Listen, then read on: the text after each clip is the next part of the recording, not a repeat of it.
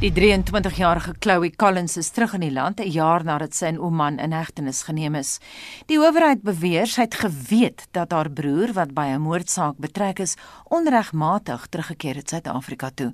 Marlenae Forsie berig Collins is nou besig om haar 14 dae van afsondering uit te dien. Die Collins familie se woordvoerder en die direkteur van Carolison Prokureur, Simone Carolison, sê Chloe was nie bewus van haar broer se beweerde betrokkeheid by 'n moordsaak in die land nie. Die twee het saam in die land gewerk en sy het sy vreemde gedrag daaraan toegeskryf dat hy te veel sukkel om in die nuwe land aan te pas.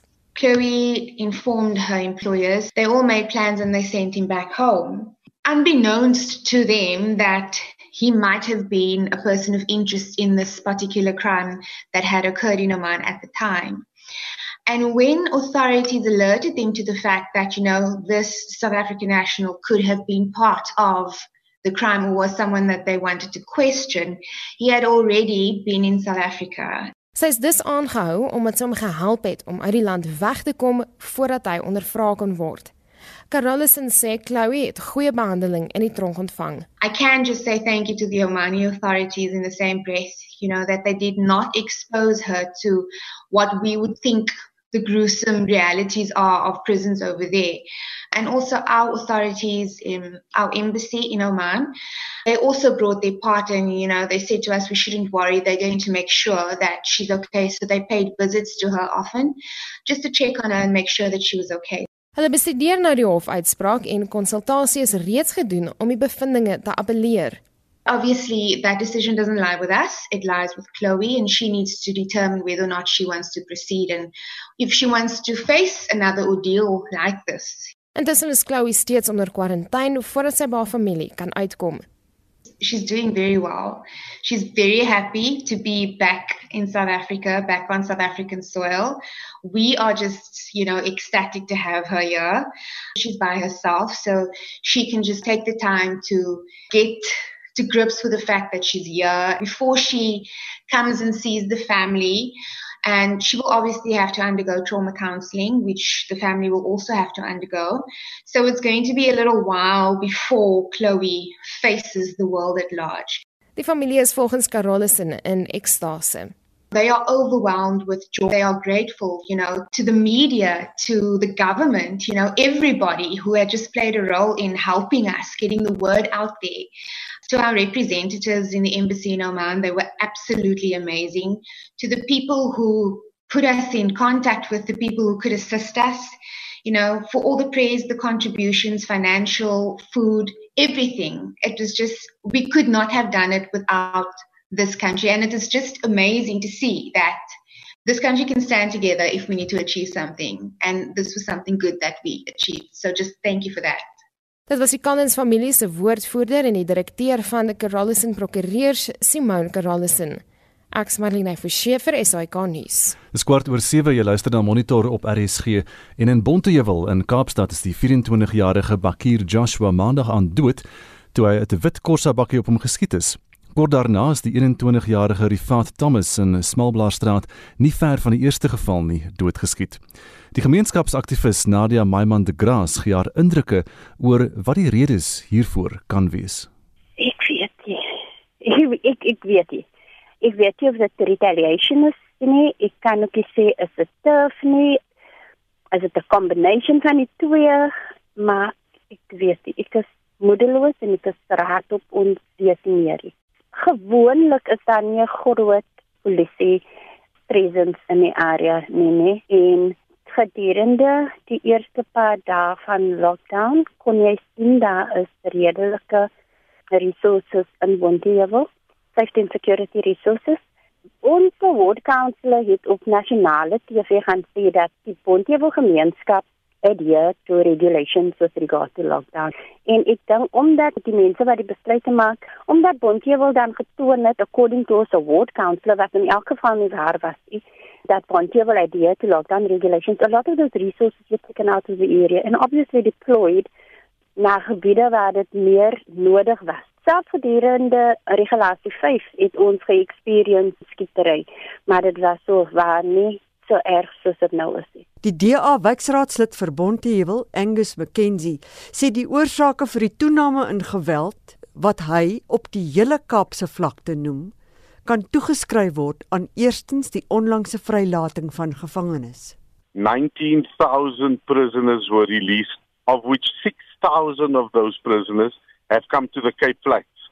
The second thing that is very interesting is that a lot of uh, the shells of the bullets that our law enforcement and Metro Police guys are finding at the shooting are all brand new bullets, which would make me ask the question where do these come from? And are they coming from the amnesty that is currently taking place? Because we've still not seen a process for the destruction of firearms and bullets that's been handed in an amnesty. Die derde element gaan saam met verwikkelinge in bendegeweld. What you've seen in Bonteville over the last three years is a 50% reduction in gang related crime due to the visible policing of our city law enforcement officers. All those officers have been removed from fighting gang violence and have been placed into COVID hotspot areas. McKenzie sê minder sigbare polisie op straat skep 'n gaping vir bendes. Taking away visible policing, possibly these other two reasons that I have has been given gangsters the opportunity to pursue what they were doing. You must remember that gangsterism is a business and it's a power play of money and drugs. A lockdown places a huge pressure on that to be able to thrive. So as we ease the lockdown regulations, the opportunities to make more money through devious means, through murdering and drug turf, etc., becomes more attractive for gangsters with a lack of visible policing taking place. Nadia Meyman de Gras sê die mense van Bonteheuwel het nie die reëls van die inperkingstyd gehoorsaam nie omdat hulle op soek was na kos. Dit was 'n groot fout because nommer 1 dat was fake news wat hy versprei het. Bonteheuwel gemeenskap het nie geadheer toe lockdown regulasies hierdie. Ek het soos 'n visvrou in my straat gestaan en in raas met my bure, want dit het gelyk asof dit net een groot vakansie was. Kom dit is mense nie adheer toe die regulasies nie. Die groot ding wat uitgekom het was hongerte. Mense was honger, hulle het gesoek vir brood en so en en dit het ook vir ons aangemoedig om ons kosvoederlief projek van stapel te stuur. Angus McKenzie sê hy het self ook ingespring om honger mense te voed. Wat ons in Pontie wil doen is 'n ongelooflike ding. Toe lockdown begin het, het ek toe WhatsApp groeps opgestel vir elke straat in Pontieville waar ek kan met die mense kan kommunikeer oor die regulasies en daardie soort goed. Wat ons ook dan met daardie WhatsApp groeps gedoen het, is om sopkombuise op te stel. So in elke straat in Pontieville het ons 'n sopkombuis. So I get donations and I hand it over to these 50 soup kitchens. Key to these soup kitchens has been the residents themselves. In one road, for an example, you will have people that have and people that don't have. So the people that have contribute to the cook in that road so that that cook can make breakfast, lunch and supper for people in that road. So we're currently serving about 5,000 people every day breakfast, lunch and supper in the Bonteville area. Vir McKenzie is die resultate daar. Now Bonteville is a township of 85,000 people and we only have and I say only very lightly 115 infections with a 75% recovery rate already and we have 4 deaths. But that number, based on the living standard measures of people and how those people live, that's an exceptionally good number in an area like that. Oor die beskuldigings dat hy valse nuus die wêreld instuur oor wat in Bonteheuwel aangegaan het tydens die eerste fase van die inperking, reageer McKenzie. Die 9de Dinsdag ja. was my verjaarsdag. Ek het 15000 rand vir my eie geld. Ja. Sop, rys en mieliemeel gekoop vir ons sopkombuise in Bonteheuwel. So ek, ek wil regtig nie betrokke raak by politiek oor kos nie of kos vir politiek nie. This is unfortunately what they're doing. I've actually got and I can send it to you a voice note where this lady's partner says to a soup kitchen that if you are DA then we're not giving you food. Now that's unacceptable. Die DA raadslid sê die stemboodskap is van Henriette Abrams. Flambom, julle sal maar reg vir Angus moet sê dat julle is 'n die kitchen nie, nou. Al kry julle goed van hulle nou reg nou. Dit sien bijvoorbeeld die man nie op my nerves week. Ja, julle is 'n die kitchen nie en as julle as 'n model maar vir ons laat weet. Nadia Meyman de Gras sê hulle probeer deur gemeenskapskombuise ook mense voed. We had made great progress. Ons is nou by 37 community kombuise. Ons noem hulle nie meer sopkombuise nie want hulle verskaf meer as net sop.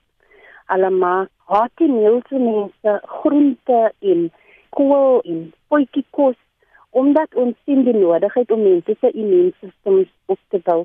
In die laaste 2 weke ongelukkig het ons ge-experience dat ons getel met donor fatigue. So die respons is nie so goed nie en ons moet in hierdie week nog met ons opkom met 'n plan. Nadia Meyman de Gras sê sy werk nou saam met die nie-regeringsorganisasie Violence Prevention Through Urban Upgrade wat aangebied het om skenkings vir gemeenskapskombuise te ontvang. Mitsi van der Merwe, SAK nuus. Suid-Afrika se jongste sangsensasie Belinda Davids sê die oomblik toe sy op die verhoog klim vir die TV-reeks Britain's Got Talent het sy besef dat haar droom groter is as net haar eie gewildheid. Sy het aan Madeleine Forsie gesê haar liedjie is opgedra aan elke jongeling en musikant met groot drome. Well, I'm a singer. Yeah. And uh I do uh Whitney Houston songs. Well, those are tough shoes to fill.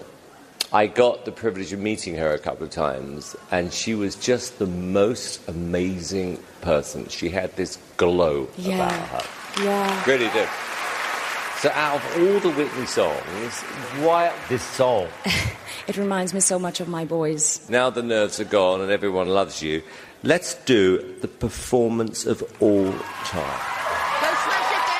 Ek kon nie glo op baie oomblik kon ek glo ek het dit dit deurgemaak nie. Ek kon nie ek kon nie glo ek het deur hy daai liedjie gegaan nie. Kon nie glo ek het dit gemaak tot by die einde nie, want ek was so nervous geweest, hoor. Ek was so vreeslik nervous geweest. Baie mense sê, "Ja, maar jy het dit al so baie maal gedoen al. Hoe kon jy so nervous gewees het?" Wel, ek gaan vir jou een ding sê. Net voordat ek op die stage geloop het, het ek myself gesê, "Oké, okay, Jy het al die van tevore gedoen. As a matter of fact, jy het dit 2 dae gelede gedoen en dis jou territory. You've done this before. En die minuut toe ek my voet op daai stage sit, toe gaan alles uit. Alles wat ek gepractice het om my nerves weg te kry, alles wat ek gepractice het, het uitgegaan. Ek was petrified. Ek was so bang geweest.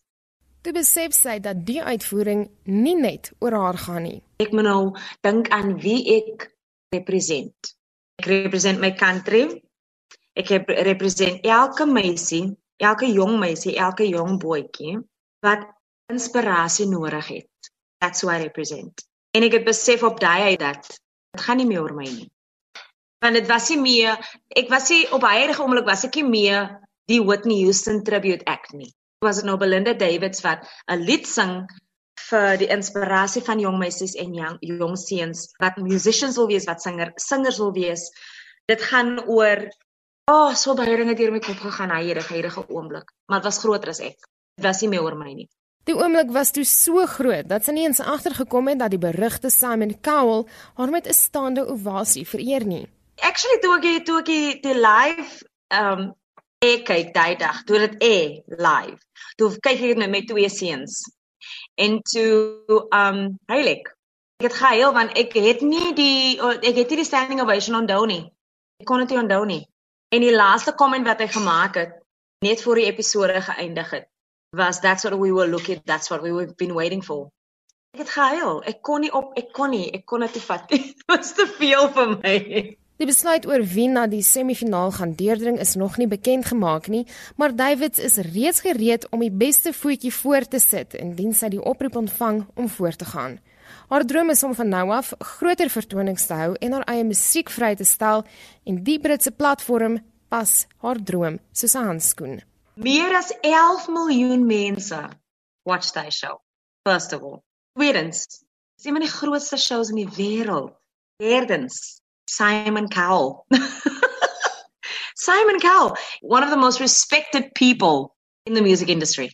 Dis al, dis al wat ek kan sê. Sy is veral bekend vir haar uitvoering van die ikoniese Amerikaanse sangeres Whitney Houston se musiek. Die eerste maal toe ek haar gehoor dit sing was toe ek 8 jaar oud was. En sy was die koneksie. She was the connection to my dream. Ek sê dit altyd en ek sal dit nog aan 100 maal sê. She was the connection to my dream. Ek het sy het my maak besef besef dat ek wil graag 'n sangeres wees.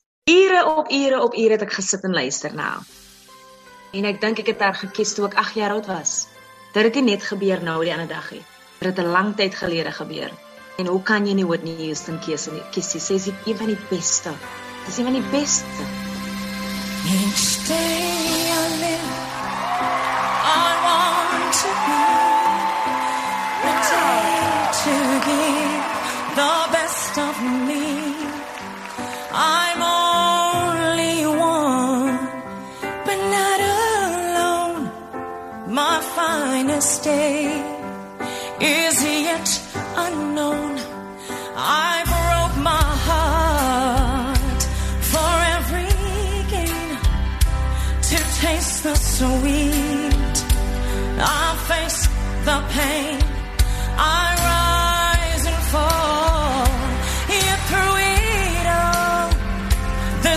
This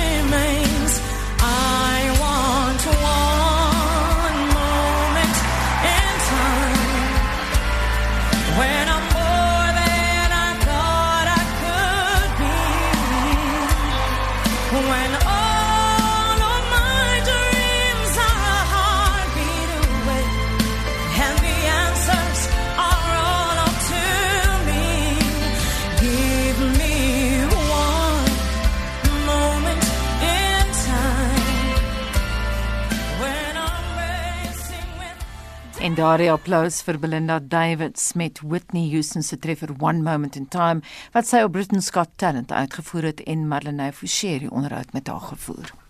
Vincent, ons hoor hoe lyk die terugvoer? Gustav, weet jy of jy kan die openingswedstryd kan onthou toe Sipho Chabalala um, in die openingswedstryd teen Mexico 'n doel geskop het nie? Toe dit was toe was dadelik deel van um, die sokker wêreldbeker geskiedenis, maar later toe skop Rafael Marquez 'n doel om die wedstryd gelykop te laat speel en die volgende luisteraars het ook lekker herinner, herinneringe vir ons gestuur deur hulle stemnotas. Jalmo het praat hier van Shishan Mine in Noord-Kaap af. Ek het gewerk by die World Cup en een van my beste ervarings daarvan was die openingswedstryd Suid-Afrika teen Mexico. Ons het dit gekyk by die Sentrale Universiteit van Tegnologie in een van hulle se geboue. Hulle het vir ons 'n groot skerm opgesit. Dit was verskriklik lekker. My aunt toe ons daar uit hy gebou het kom, ons Bloemfontein onder 'n wit laken van sneeu bedek. Dit was baie asemrowend. Ek het nie eens koud gekry nie. Dis Roan van PE. Kan onthou ons het drie wedstryde gekyk. Dit was Portugal gewees en dan Duitsland teen Ivory Coast en ek dink Uruguay en ek dink dit is kwart eindstryd gewees. Maar ek kan onthou toe Ronaldo een keer die bal geskop het en het die raamwerk getref van die doel. Ek het nog nooit so harde skop in my lewe gesien nie. Dis Marius van die kerk met rivier. 2010 het ek en my tweeling boetie, sy vrou en nog vriende gaan kyk na die sokker wedstryd tussen Noord-Korea en Ivoorkus op Bombela Nelspruit se stadion. Dis die eerste keer dat ek by 'n sokkerwedstryd was. Dit is nogal fantasties geweest. Wat ek wel onthou van die wêreldwedstryd in 2010 is dat die wedstryd in Rustenburg by Olympia Stadium is op pad na Fincrest toe en my werkgewer van daai tyd Dr SJP Kreer moes 'n bevalling gaan doen het in Fincrest. Soos die verkeer opgehoop het kon hy nie deurgekom het nie en die baba moes deur 'n suster gevang geword het en die babatjie is toe vernoem na Tonga wat daai dag op uh, Olympia Stadium gespeel het. Maar ons gaan intussen aan is 25 minute voor 8 in die kleuterskoolvereniging SA Childcare het 'n oop brief aan die minister van maatskaplike ontwikkeling Lindiwe Zulu gerig waarin hulle eis dat losstaande kleuterskole wat onder die departement maatskaplike ontwikkeling val ook die 6de Julie kan open. Die vereniging se bestuurshoof Arno van der Merwe het aan Marlene Forsie gesê hulle vrees dat die gevolge van die inperking onomkeerbaar is. Die ouens letterlik hulle eet nie. Die personeellede, die ouens het nie uh, iets om op te val nie, so die ouens letterlik eet nie. Dis 'n massiewe krisis. Gister het daar 'n vrou ons gebel en gesê, "Oké, okay, sy is nou toe. Sy maak ook nie weer oop nie. Sy kan nie meer nie. Sy het nie meer nie. So sy gaan nou probeer haar perseel uitverhuur aan studente want sy bly gelukkig naby. Kitties, so daai kleuterskool is weg. Hy's gewoon, hy gaan nie weer oopmaak nie. Die probleem is die kinders wat daar was, waartoe gaan hulle nou? Is daar genoeg skole in die omgewing wat nie toegemaak het nie wat hulle gaan kan akkommodeer? Ek dink ons gaan vir onsself dalk nog 'n ander groter probleem weer maak deur te lank te wag. SA Childcare het verskeie meningspeilings onder ouers en eienaars van kleuterskole uitgevoer. Dit is eintlik skrikwekkend, maar die data wat ons het, wys dat maklik 50% van kleuterskole in die einde Junie as hulle nog nie kon oopmaak nie, wel nie gaan deure oopmaak. As daai data korrek is, dan is dit 'n groot groot groot probleem. Die data wat ons daar ook uh, op 'n meningspeiling gedoen het was so amper 10000 ouers self. 82% van alle ouers het gesê asseblief maak oop. Hierdie meningspeiling was al reeds in 20 Mei gedoen, so ek sou dink as ons nou die meningspeiling doen sou dit sekerlik 95 tot 99% wees. Hy sê die regulasies oor die heropening van losstaande kleuterskole maak nie sin nie departement van basiese onderwys. Hulle het gesê skole mag oop as ook die kleuterskole wat op perseel is wat dan nou kinders tot en met so jonk as 2 jaar insluit. Wat ek nie verstaan nie en wat vir my onsinnig is, is dat 'n kleuterskool wat 100 meter verder is net nie op die perseel is nie, dan nou nie mag oopmaak nie en so het die uh, departement maatskaplike ontwikkeling dan nou vir ons gesê en dit maak nie sin nie. Die risiko aan dit is nou beweeg ouers, ouers moet werk en hulle het nie hulle het nie 'n plek om hulle kinders heen te vat nie. So die risiko vir die vir die losstaande kleuterskool is die ouers gaan nou hulle kinders nog na die skool se kleuterskool toe vat. So die probleem regtig vererger net nog meer. Van daardie oop brief aan die betrokke minister. Ons eis dat losstaande kleuterskole wat val onder die departement maatskaplike ontwikkeling ook die 6de Julie mag oopmaak. Dit gee ons genoeg tyd om al die protokol wat 'n uh, departement basiese onderwys voorgelê het ook dit kan voldoen. Die skole is 'n baie skoon omgewing. Hulle is gewoond met die kindertjies om 'n skoon omgewing uh, te handhaaf. Hy waarsku egter dat kleuterskole seker moet maak dat hulle aan alle relevante protokol voldoen dat hulle so gou as moontlik kan heropen. SA Childcare het juis 'n struktuur geskep om die proses te vergemaklik. 'n Kleuterskool eienaar kan gaan na 'n ander kleuterskool eienaar toe en hulle sê hoe op paar is die kleuterskool in terme van wat die protokol benodig. So kan hulle mekaar basies ondersteun en dan daai inligting stoor ons dan by ons by SA Childcare om dan nou dit te verifieer en te sê maar goed, die goed is in plek soos die staat vereis. Hy erken dat die risiko's om COVID-19 nie geïgnoreer kan word nie, maar dat die nadeel van geslote kleuterskole die risiko nou vergroot. Ons weet dit is dis baie belangrik hierdie fondasiefase van 'n kind en hoe hy leer om te leer en dis baie belangrik en en ek hoop nie ons ons sit die kinders wat in hierdie tydperk in 'n kleuterskool is in 'n in 'n probleem vir hulle self, vir hulle toekoms eendag. Dit was die bestuurshoof van SA Childcare Arnou van der Merwe. Ek's Marlene Forsiefer SAK nuus. 738 jy luister na Monitor en die broer van die Amerikaner George Floyd, wie se dood tot internasionale protesaksies gelei het, het gister die Amerikaanse Kongres gevra om hervormings oor polisiebrutaliteit deur te voer en 'n einde te bring aan al die drama. Essie de Klerk is uh, vanoggend hier om te praat oor ander internasionale nuusgebeure ook nie net in Amerika nie, maar ons begin by Washington Estie. Anita besluitnemers in die Huis van Verteenwoordigers se regskomitee het na getuienis geluister gister van burgerregte aktiviste en wetstoepassers soos polisiebeamptes. Hierdie getuienis is dan nou aangehoor 'n dag nadat George Floyd ter ruste gelê is in Houston, Texas. Die komitee beplan om 'n wetsontwerp te stuur aan die Demokratiese Huis teen die 4de Julie en dit sal handel oor hoe om polisiegeweld en rasseongeregtigheid hok te slaan. George Floyd se broer, Philonies, het aan die huis gesê sy broer kan nie net nog 'n naam op 'n lys van slagoffers van polisiegeweld word nie. George wasn't hurting anyone that day. He didn't deserve to die over $20. I'm asking you, is that what a black man is worth? $20? This is 2020. Enough is enough. The people marching in the streets are telling you enough is enough. By the leaders that in our country, the world needs the right thing. The people elected you to speak for them, to make positive change. George's name means something. You have the opportunity here today to make your names mean something too. If his death ends up changing the world for the better, and I think it will, then he died as he lived. It is on you to make sure his death is not in vain. En van Washington verskuif ons die fokus na Indië waar Mumbai nou die Wuhan-kruin verbygesteek het met Indië se COVID-19 getalle en gevalle wat baie skerp styg gestem. Ja, Anita, Indië se finansiële hoofstad Mumbai het 51000 bevestigde COVID-19 gevalle aangemeld, wat dit verby die kruin van Wuhan neem waar die virus uitgebreek het. Daar's nou meer as 266600 bevestigde gevalle in Indië en infeksies styg ook skerp in die hoofstad Delhi, waar na verwagting meer as 'n half miljoen gevalle teen die einde van Julie sal wees.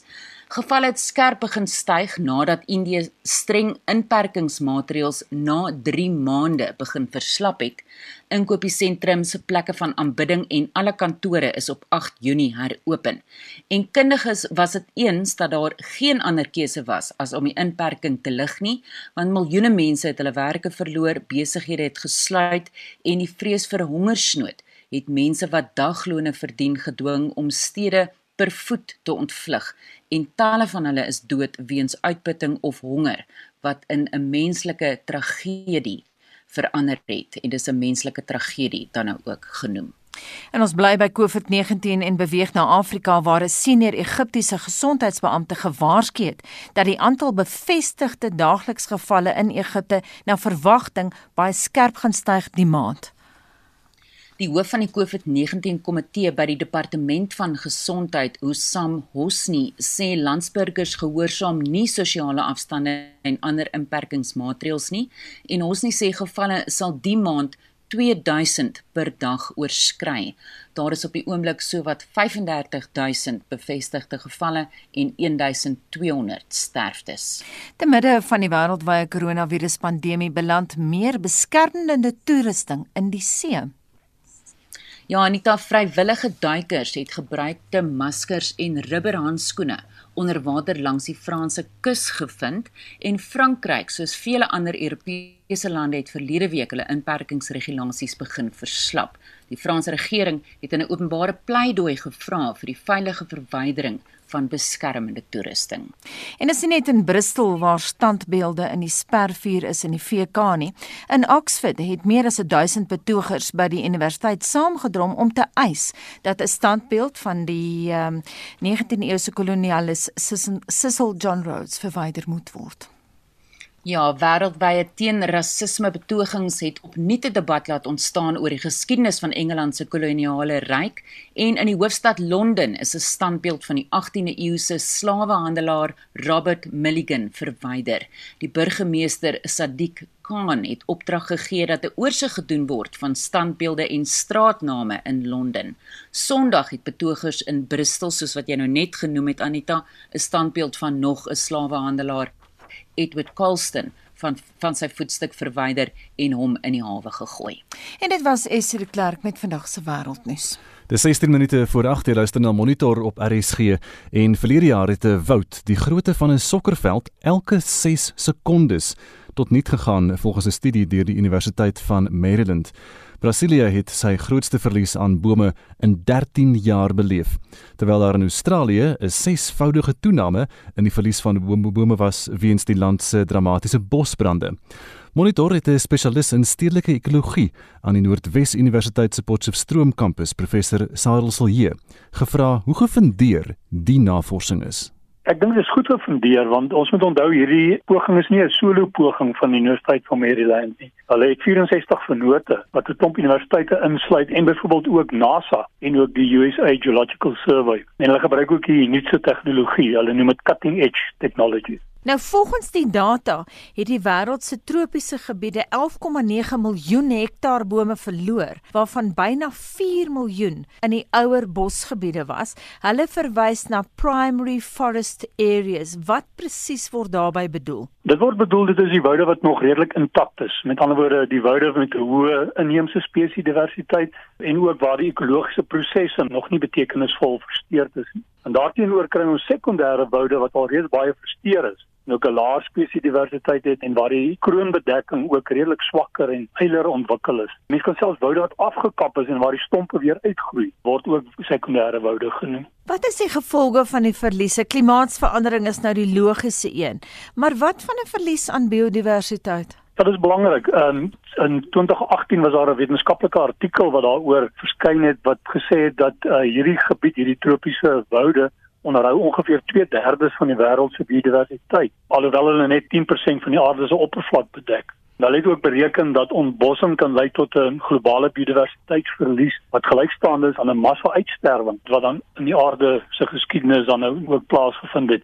En hulle het redelik konservatief bereken dat ontbossing van die tropiese woude kan lei tot 'n verlies van 43% van die wêreld se muurspesies 29% van die miskryer spesies en 19% van die wêreld se boomspesies. So dis nogal aardskittende syfers. Maar hoe gemaak nou in Brasilië? Jy praat nou Sarel van ontbossing, maar in Brasilië in die Amazone word die Indiane op korttermyn baat hulle daarbey want hulle word betaal deur die regering om hulle eie woude af te kap. Ja, en dis nogal interessant. Ek sien dat die president van Brasilië hou nie baie van die inheemse volk nie en hy uh, sê ook hy dat hy hulle nie eintlik regte het nie en as jy wat hofgedinge ook wat hulle teen hom ingebring het. Maar dit gaan eintlik om plek te maak vir gewasverbouing en ook vir beeste, vir beesplase.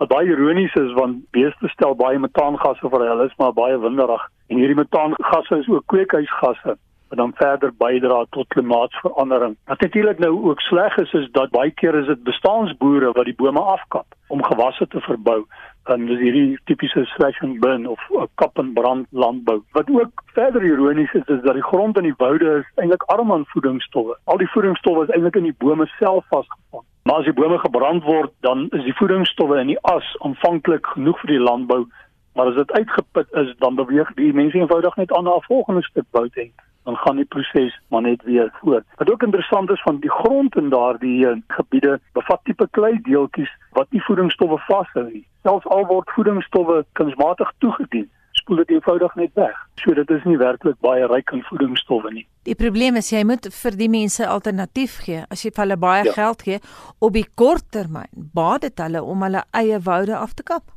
Ek dink hulle besef nie wat is die effek wat hulle het nie. Hulle verstaan nie dat die bewaring van die woude hulle ook belangrik is vir hulle eie gesondheid en welstand. Sarel, ek weet jy het nou ontbossing in Mosambiek gesien en nogal vanuit die lug, nê? Nee? Ja, uh, ons het so seker so 12 jaar gelede 'n projek gehad wat ons plantopnames gedoen het en ons is met helikopter ingevlieg en dit was eintlik baie onnugterend om uit die lug uit te sien uh, hierdie tipiese kap en brand landbou aktiwiteite, so 'n kolle rondom die nedersettings. En dit nogal baie hartseer om te sien, maar dis 'n realiteit en dit is dwars deur die wêreld. In van hierdie tropiese woude is dit 'n realiteit. Is die Chinese daar betrokke Mosambiek? Is hulle betrokke by die bome afkap? Ja, hulle doen dit onwettig ook. So, dis 'n groot hoeveelheid bome wat afgekap word. Daar's verlede jaar nogal baie daaroor berig, maar die argument is dat hulle nie die enigste mense is wat die bome verwyder nie, so hierdie landbouaktiwiteite ook. Maar dis 'n baie groot probleem en dit lyk my die Chinese is oral in Afrika waar hulle beweeg is daar nogal probleme. Daar is wêreldwyd darmorganisasies betrokke by volhoubare landbouprojekte.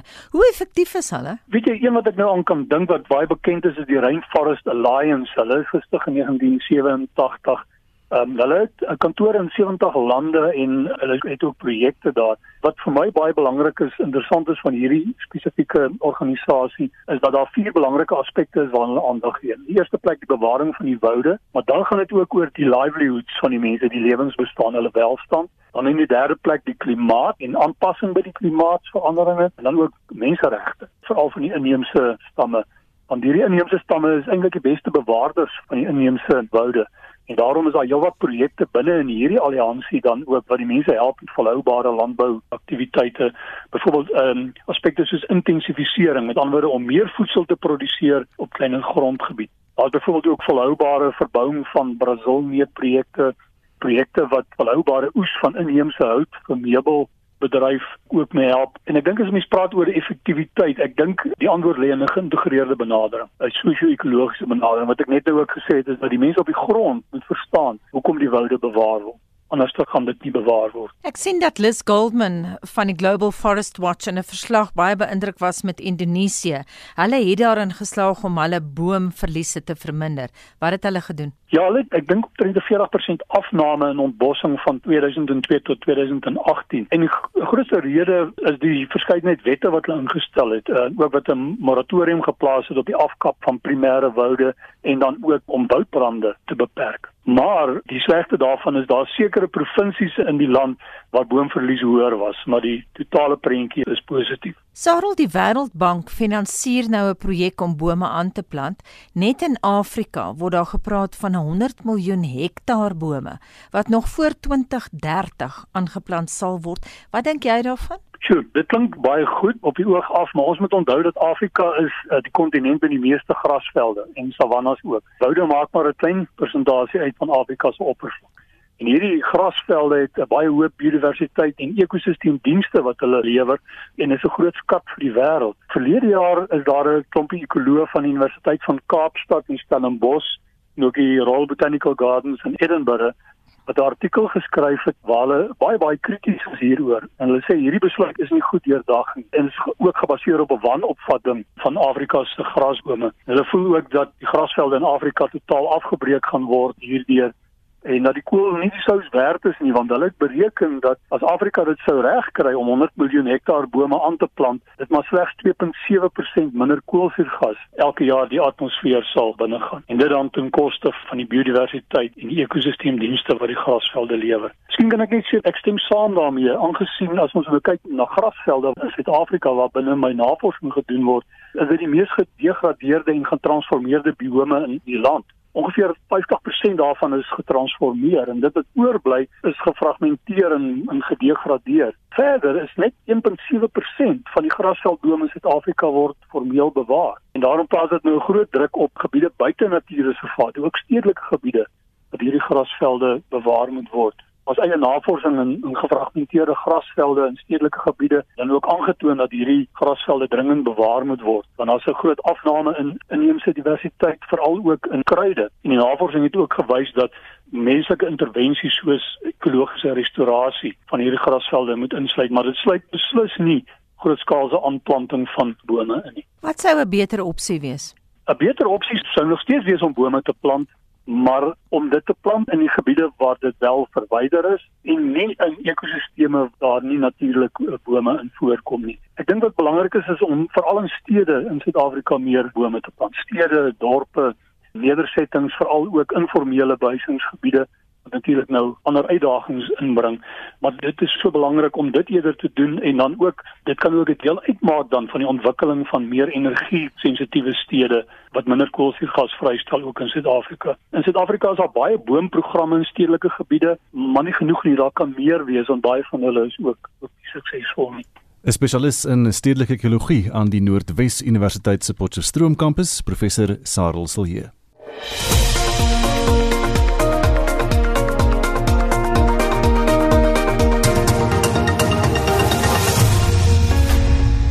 Suid-Afrika se betrokkeheid by die sluipmoord in 1986 op die destydse Sweedse eerste minister Olof Palme kon nie bevestig word nie. Die Sweedse aanklaer Christer Petersson het gister tydens 'n inligtingsessie bekend gemaak dat 'n grafiese kunstenaar, Stiek Engstrom, Palme doodgeskiet het. Die ondersoek gaan nou gesluit word. Die ondersoek het dekades lank geduur en Petersson sê wat dit verder bemoeilik is dat baie van die rolspelers reeds dood is.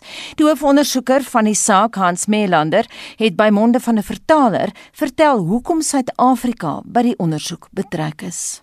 South Africa.